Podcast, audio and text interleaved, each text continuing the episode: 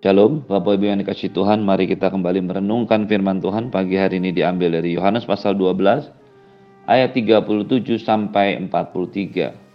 Yohanes pasal 12 ayat 37 sampai 43. Mengapa orang Yahudi tidak dapat percaya? Dan meskipun Yesus mengadakan begitu banyak mujizat di depan mata mereka, namun mereka tidak percaya kepadanya.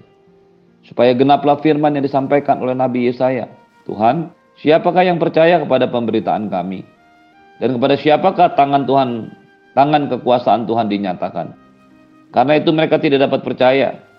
Sebab Yesaya telah berkata juga, ia telah membutakan mata mereka dan mendegilkan hati mereka. Supaya mereka jangan melihat dengan mata dan menanggap dengan hati, lalu berbalik sehingga aku menyembuhkan mereka. Hal ini telah dikatakan oleh Yesaya karena ia telah melihat kemuliaannya dan juga telah berkata-kata tentang dia. Namun banyak juga di antara pemimpin yang percaya kepadanya. Tetapi oleh karena orang-orang Farisi, mereka tidak mau mengakuinya berterus terang. Supaya mereka jangan dikucilkan. Sebab mereka lebih suka akan kehormatan manusia daripada kehormatan Allah.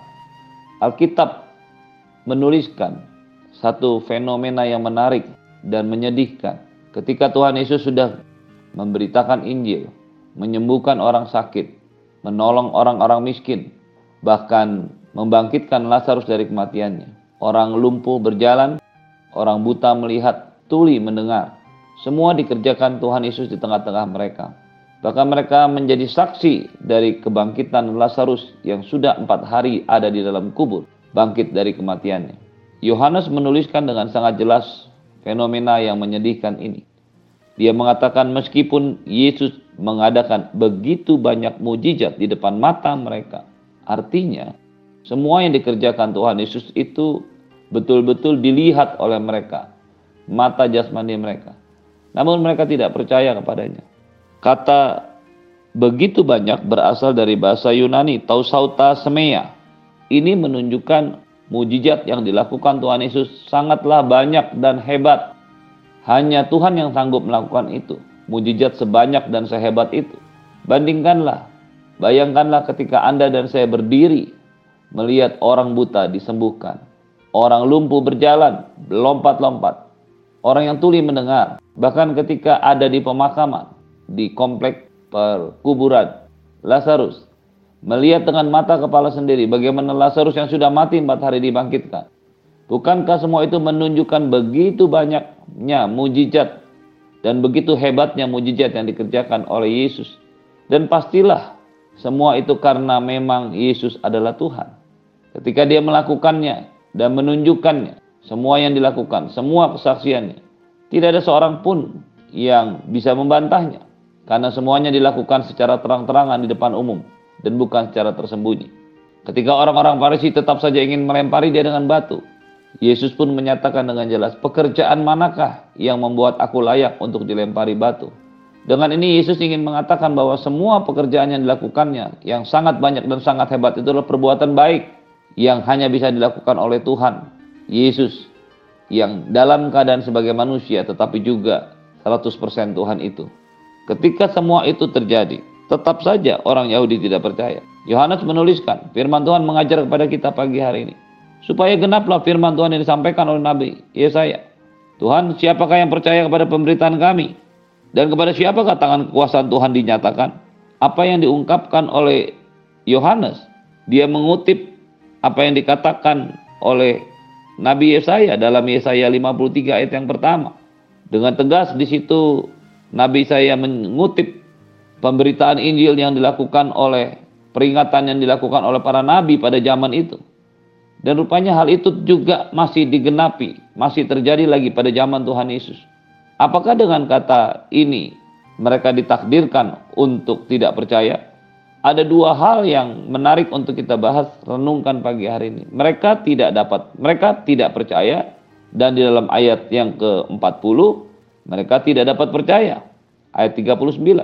Ayat 37 mereka Firman Tuhan berkata, meskipun Yesus banyak mengadakan mujizat, begitu banyak yang mujizat yang hebat di depan mata mereka, namun mereka tidak percaya kepadanya.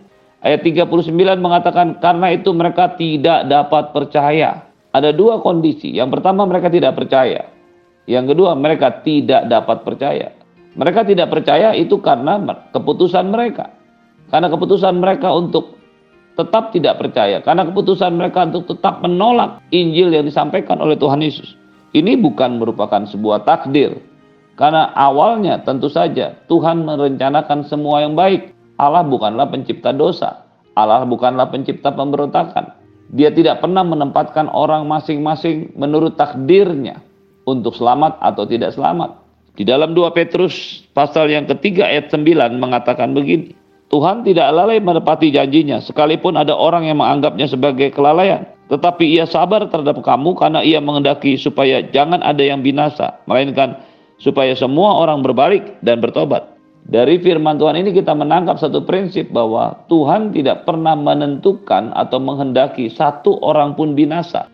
Tuhan tidak pernah menetapkan Yudas Iskariot untuk mati dengan cara yang menyedihkan seperti itu. Tuhan tidak pernah menetapkan, mentakdirkan Ananias dan Safira untuk mati di depan para rasul.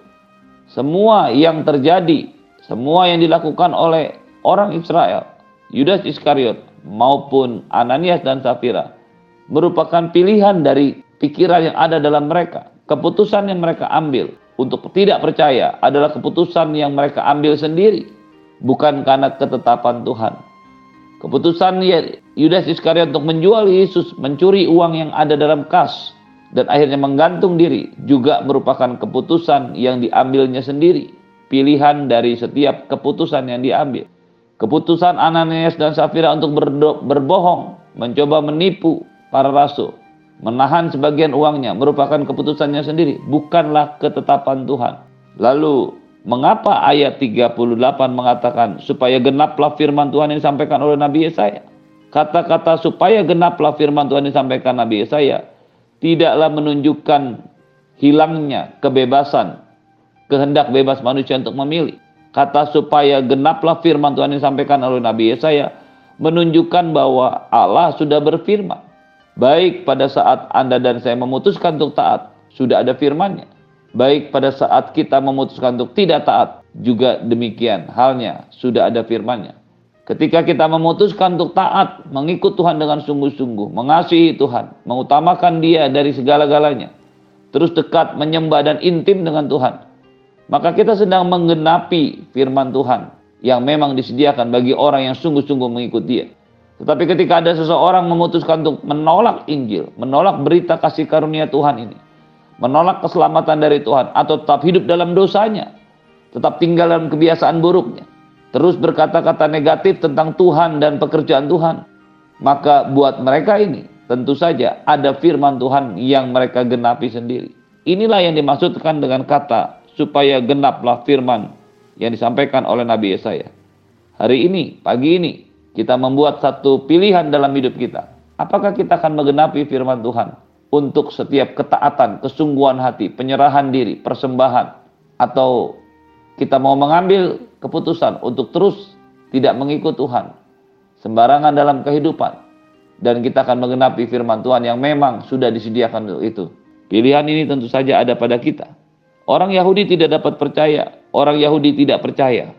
Ada sesuatu yang beda, berbeda. Mereka tidak percaya oleh karena keputusan mereka untuk tidak mau percaya. Tetapi di dalam ayat 39, karena itu mereka tidak dapat percaya. Sebab Yesaya telah berkata juga, ia telah membutakan mata mereka dan mendegilkan hati mereka. Supaya jangan mereka melihat dengan mata dan menanggap dengan hati, lalu berbalik. Sehingga aku menyembuhkan mereka. Apakah betul Tuhan telah membutakan mata mereka seperti yang dikatakan firman Tuhan ini? Perhatikan baik-baik ayat-ayat sebelumnya. Mereka tidak dapat, mereka tidak percaya karena keputusan mereka. Dan karena keputusan mereka yang tidak percaya, keputusan mereka untuk tidak mau percaya kepada Tuhan, membawa hati dan pikiran mereka tertutup. Sehingga pada saat mereka mencoba bertemu dengan Tuhan, mengalami perjumpaan dengan Tuhan, mereka tidak dapat percaya. Jadi ketidakdapatan, ketidakmampuan mereka untuk percaya itu disebabkan oleh keputusan mereka untuk tidak percaya. Ketika ketidakmampuan mereka untuk percaya ini timbul karena ketidakmauan mereka untuk percaya, berhadapan dengan hakikat Allah yang Maha Kudus, maka firman Tuhan ini digenapi. ia telah membutakan mata mereka dan mendegilkan hati mereka. Jadi sekali lagi, bukan Tuhan dengan sengaja membutakan mata mereka atau mendegilkan hati mereka. Tetapi semua itu diawali oleh keputusan mereka untuk tidak percaya. Keinginan mereka untuk terus memberontak Perhatikanlah apa yang mereka lakukan kepada Tuhan Yesus. Betapa tidak ramahnya mereka kepada Yesus. Betapa keras penolakan mereka. Sekalipun mujizat demi mujizat terjadi di depan mata mereka. Mereka tetap tidak percaya. Mereka tetap tidak mau percaya. Dan karena ketidakmauan mereka percaya itulah yang menyebabkan mereka tidak dapat percaya. Tidak mampu untuk percaya. Karena ketika seseorang memutuskan untuk tidak mau percaya, maka keberadaan hati, hidup, dan dirinya tidak akan pernah mampu mempercayai Tuhan. Dengan kata lain, setiap Anda dan saya diberikan pilihan, tetap diberikan kehendak bebas untuk percaya atau tidak. Ketika Anda memutuskan untuk mau percaya, maka Anda mendapat menjadi dapat percaya. Sebaliknya, ketika Anda memutuskan untuk tidak mau percaya, maka kita juga tidak dapat percaya. Ada banyak hal yang lain yang disediakan Tuhan dalam firman Tuhan yang akan digenapi dalam hidup kita.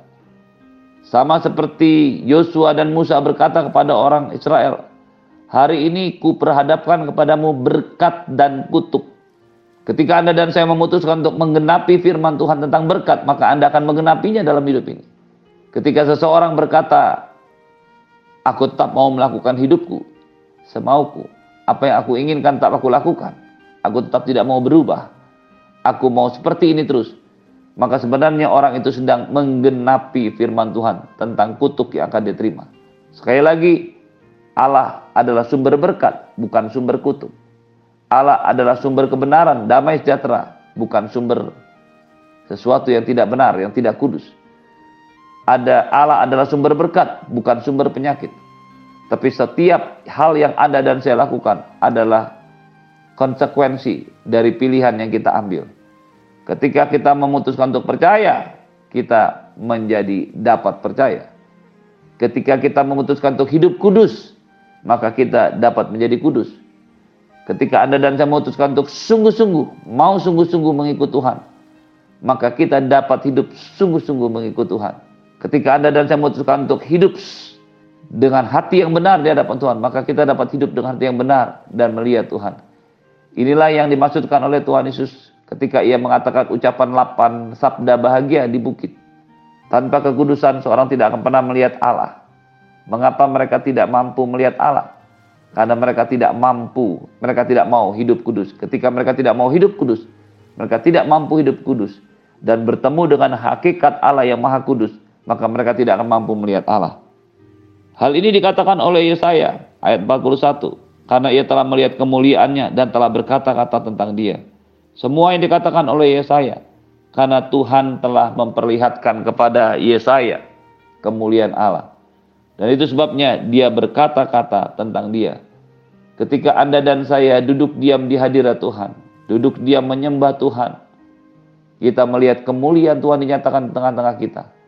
Kita akan mampu berkata-kata tentang dia Kata berkata-kata tentang dia dapat juga diterjemahkan mengenal dia. Ketika Anda dan saya menyediakan banyak waktu untuk merenungkan firman Tuhan, membaca firman Tuhan, menyembah Tuhan, terus ada dalam hadirat Tuhan, maka sebenarnya Anda dan saya sedang membawa diri kita untuk semakin mengenal Tuhan lebih lagi dan lebih lagi. Ini adalah kontradiksi dengan sikap yang tidak mau percaya. Ada orang juga yang percaya, tetapi karena mereka takut terhadap orang Farisi, mereka tidak mau mengakuinya di depan umum.